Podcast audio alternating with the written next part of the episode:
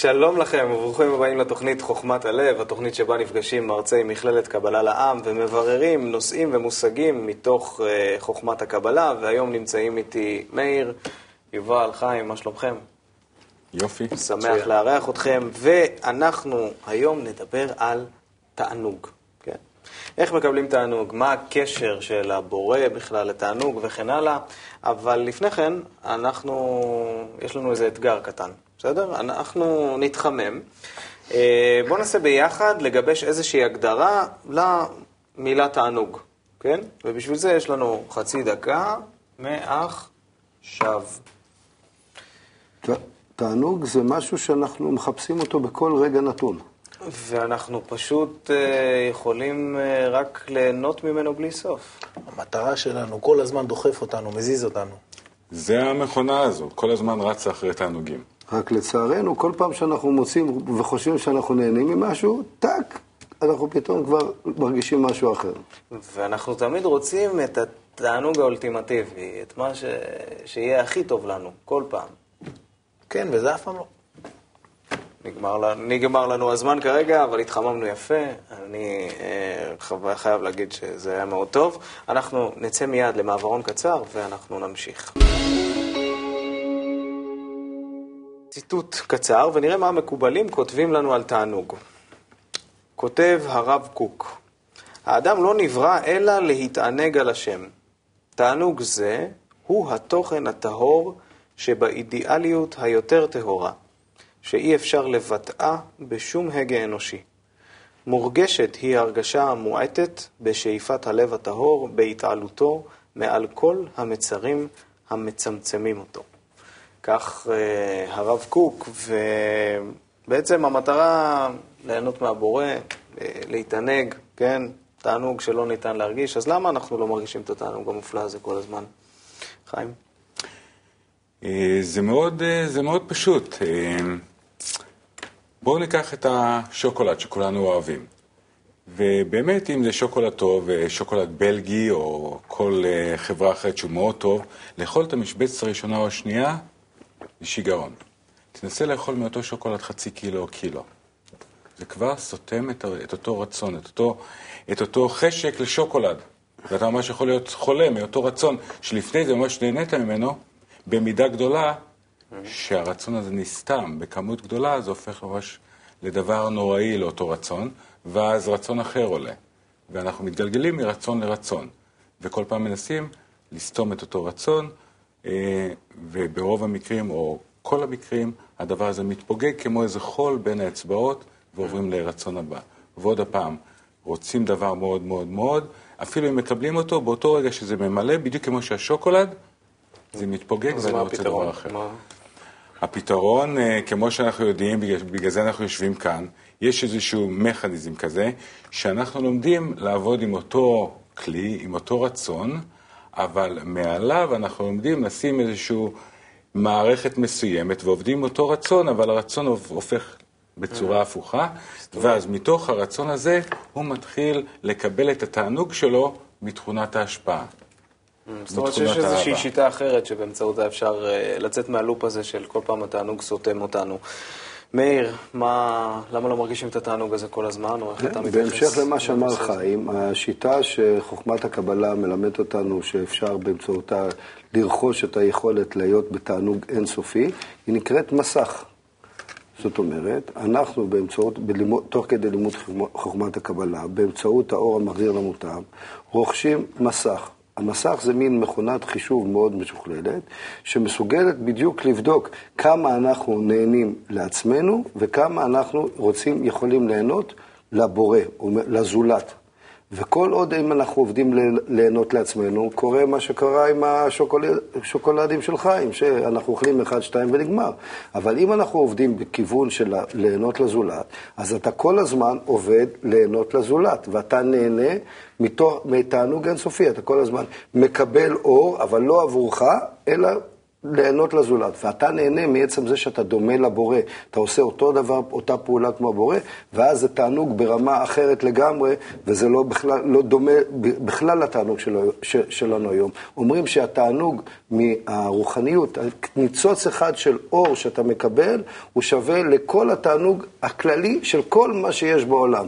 אז תתאר לך אם אתה נמצא במצב כזה כל הזמן. אוקיי. Okay.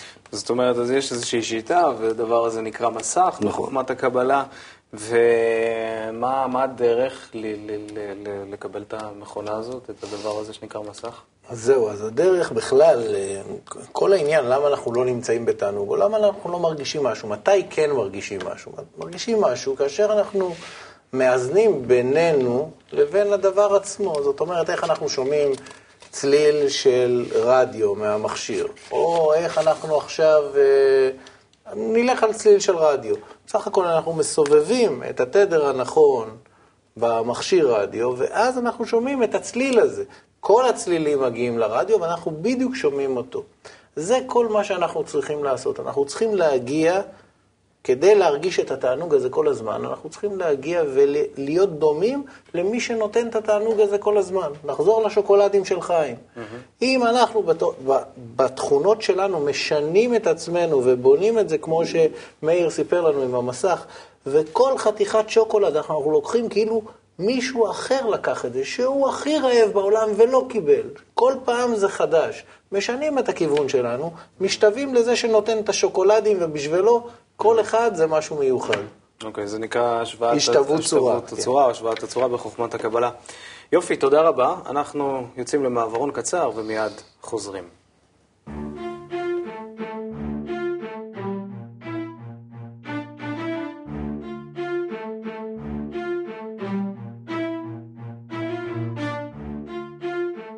אין מצב יותר מאושר בעולמו של אדם, אלא בשעה שמוצא עצמו כמיואש מכוחותיו עצמו.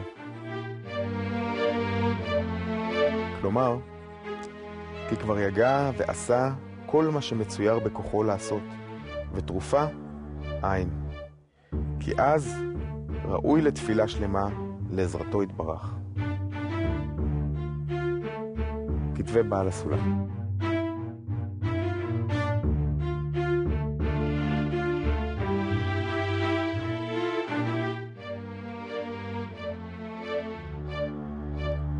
תודה שחזרתם אלינו, ועכשיו uh, יש לנו אתגר uh, למרצים באולפן ולצופים בבית, uh, אתגר שנקרא תבנית מחשבה. אנחנו למעשה עכשיו, כל אחד ינסה להשלים משפט לפי התבנית הבאה. אתם הצופים בבית גם מוזמנים, יספו לכם, קחו לכם כלי כתיבה ודפים ותנסו להשתתף יחד איתנו. התבנית היא כזו, התענוג הוא כמו פה צריך להשלים, משום ש... עוד קו פה להשלים, ולכן השלמה. אז אנחנו ניקח אה, לטובת העניין דקה, כל אחד שירשום לעצמו אה, את ההשלמות שלו בתבנית, ומיד אנחנו נמשיך.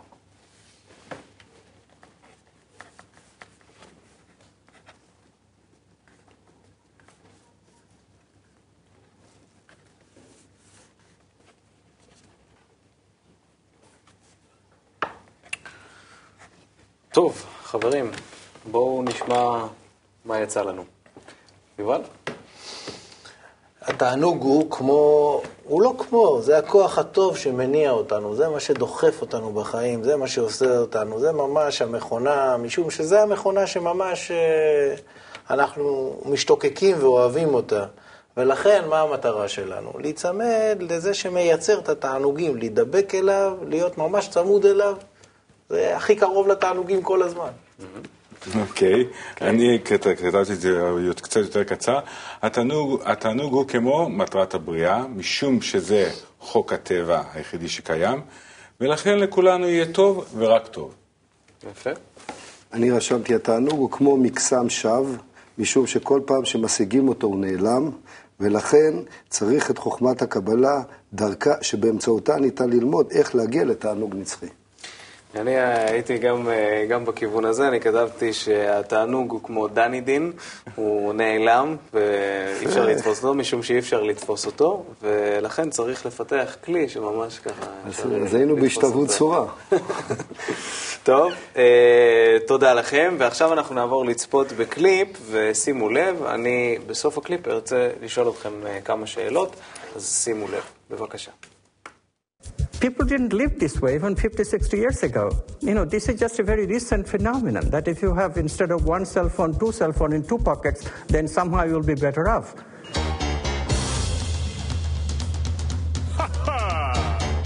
Right.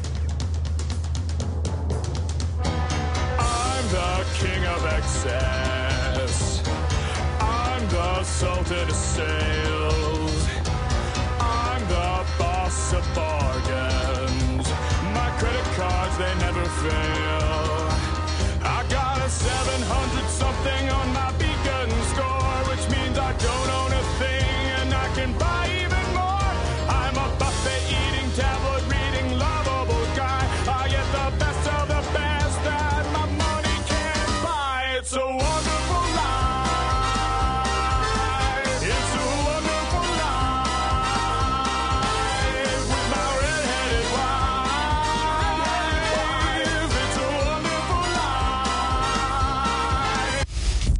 average U.S. person now consumes twice as much as they did 50 years ago. Ask your grandma. In her day, stewardship and resourcefulness and thrift were valued. So how did this happen? Shortly after World War II, these guys were figuring out how to ramp up the economy. Retailing analyst Victor LeBeau articulated the solution that's become the norm for the whole system. He said, our enormously productive economy demands that we make consumption our way of life, that we convert the buying and use of goods into rituals, that we seek our spiritual satisfaction, our ego satisfaction in consumption. We need things consumed, burned up, replaced, and discarded at an ever accelerating rate. Advertisements and media in general plays a big role in this. Each of us in the U.S. is targeted with over 3,000 advertisements a day. We see more advertisements in one year than people 50 years ago saw in a lifetime. And if you think about it, what's the point of an ad except to make us unhappy with what we have? So 3,000 times a day, we're told our hair is wrong, our skin is wrong, our clothes are wrong, our furniture is wrong, our car is wrong, we are wrong, but it can all be made right if we just go shopping. כן, תודה שחזרתם אלינו, זה היה קליפ מתוך סרט שנקרא Crossroads. תגידו, מה הקשר בין ה- מה שראינו עכשיו לנושא שלנו על תענוג שדיברנו בכלל? וואו. אה, אני יודע על אנשים שהתענוג שלהם היה אה, לשבת עם פיתה וכמה אה, זיתים, והיה להם מצוין. ולעומת זה אני מכיר המון המון אנשים שבשבילם יום כיף זה לצאת למרכז הקניות, לבלות כמה שעות, וממש קוראים לזה, זה תרפיה של שופינג, זה ממש המון המון פסיכולוגים היום יודעים שאנשים באים, יושבים על הספה ואומרים הדבר היחידי שגורם לי אושר זה ללכת ולעשות קניות. לצרוך ולצרוך ולצרוך. זה, זה בלי שום קשר אם אתה צריך את זה או לא. רק עצם זה שאני אוסף דברים לעצמי, זה כבר גורם לי למה, זה תענוג? זה בדיוק למה שדיברנו לפני זה, זה, זה פשוט מאוד אותו רצון, שאף פעם אין לנו סיכוי למלות אותו. ולא משנה כמה שננסה לשפוך לאותו רצון, בלי המסך שמאיר הזכיר לפני זה, הרצון הזה פשוט הוא לא, הוא לא, הוא לא מתמלא, ורק רוצים עוד ועוד. כן, איך, איך מה שראינו בקליפ מתקשר לך לתענוג? אני חושב שזה מתקשר אה, בדיוק אה, לנושא הזה של מה אנחנו חושבים כל הזמן שזה תענוג.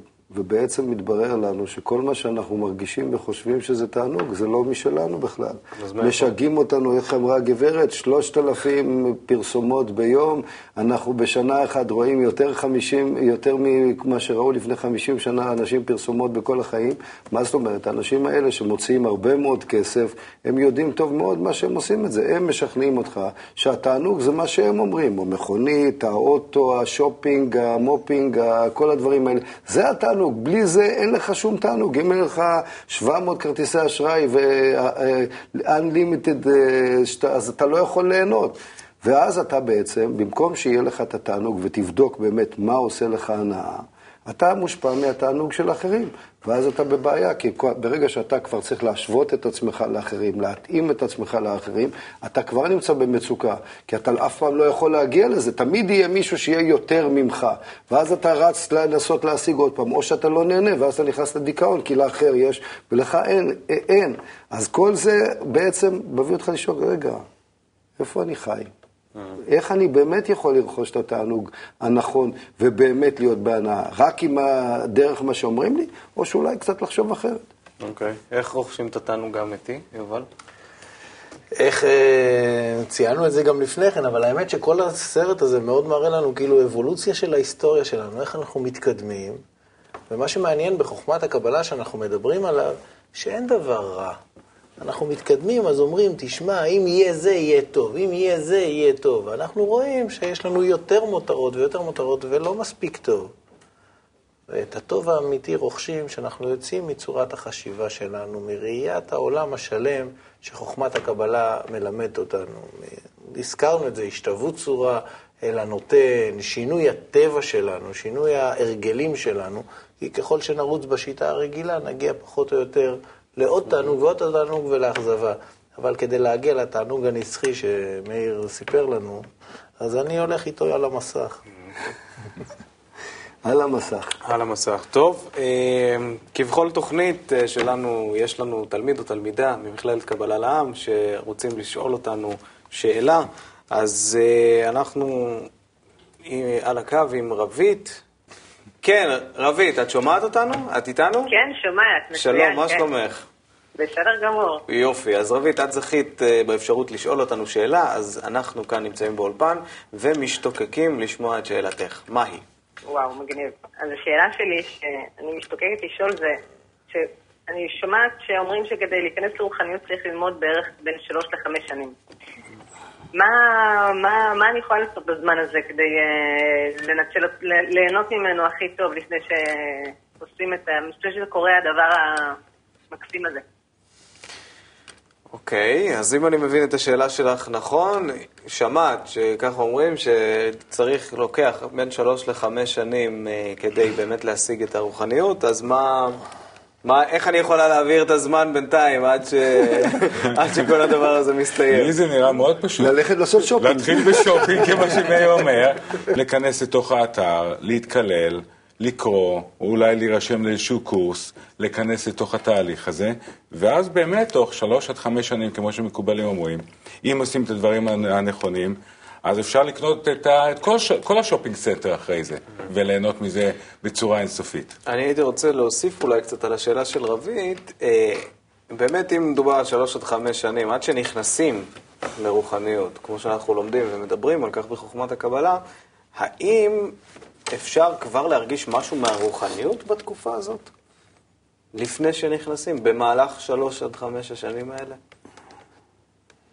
כן, בהחלט. יש... אה, בתהליך הראשוני הזה, בין של... האמת היא שאני אענה קודם כל דווקא לשאלה הזאת, כי זה עורר בי משהו מאוד נחמד. כן. אז האמת היא שזה לא שלוש או חמש שנים, זה תלוי באיזה נקודה אתה נמצא. גם אחרי חמש שנים זה עוד שלוש או חמש שנים, או עוד חמש עשרה שנה, כי זה תהליך של החיים.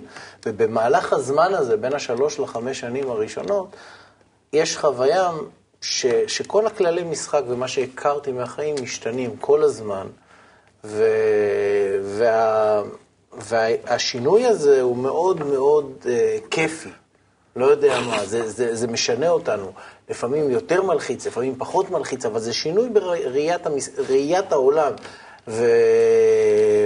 וההתנהגות שלנו, גם בעולם הגשמי ובעיקר בעולם הרוחני, בצורה שאנחנו תופסים את חוכמת הקבלה ולומדים אותה. ואנחנו בטוחים שאנחנו מבינים משהו, ופתאום אחרי שבועיים, חודש, אנחנו קוראים את אותו קטע ואנחנו מבינים שלא הבנו. שיש עוד הרבה עומק בזה.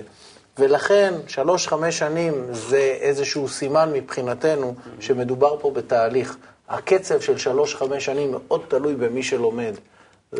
שלוש-חמש שנים זה, זה אומר שזה לא אינסטנט וגמרנו. אי אפשר לבוא ולקחת קורס של חודש ולהבין את הכל במכה. צריך להיכנס לתהליך ולהרגיש, לחוות, לעבור לעולם החוויה וההרגשה. זה הדבר העיקרי. מאיר, יש לך איזה טיפ אולי לרבית ולצופים, איך אפשר לזרז אה, בתוך השלוש עד חמש שנים האלה ולהרגיש כבר משהו מהרוחניות?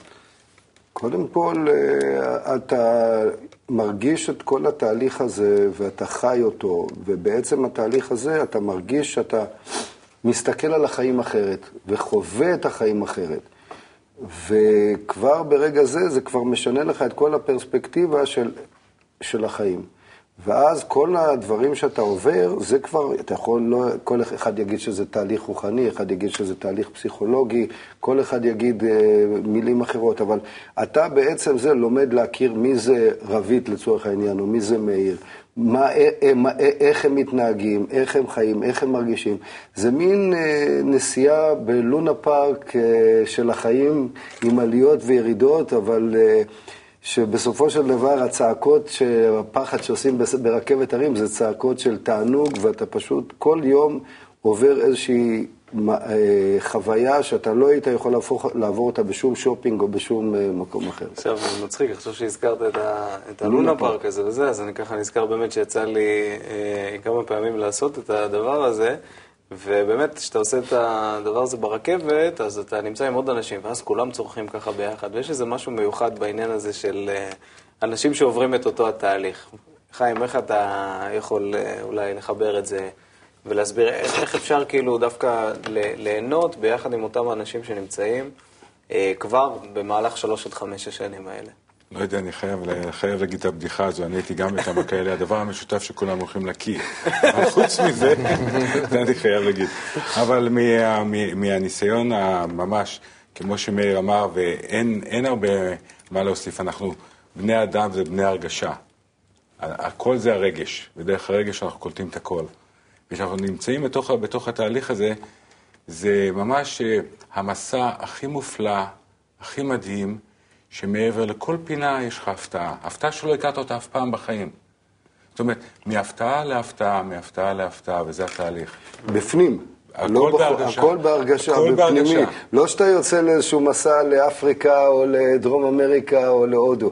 המסע הזה נערך כאן ועכשיו בפנים. בכל בין החברים. בין החברים בכל רגע נתון. זה הדבר המדהים בנושא.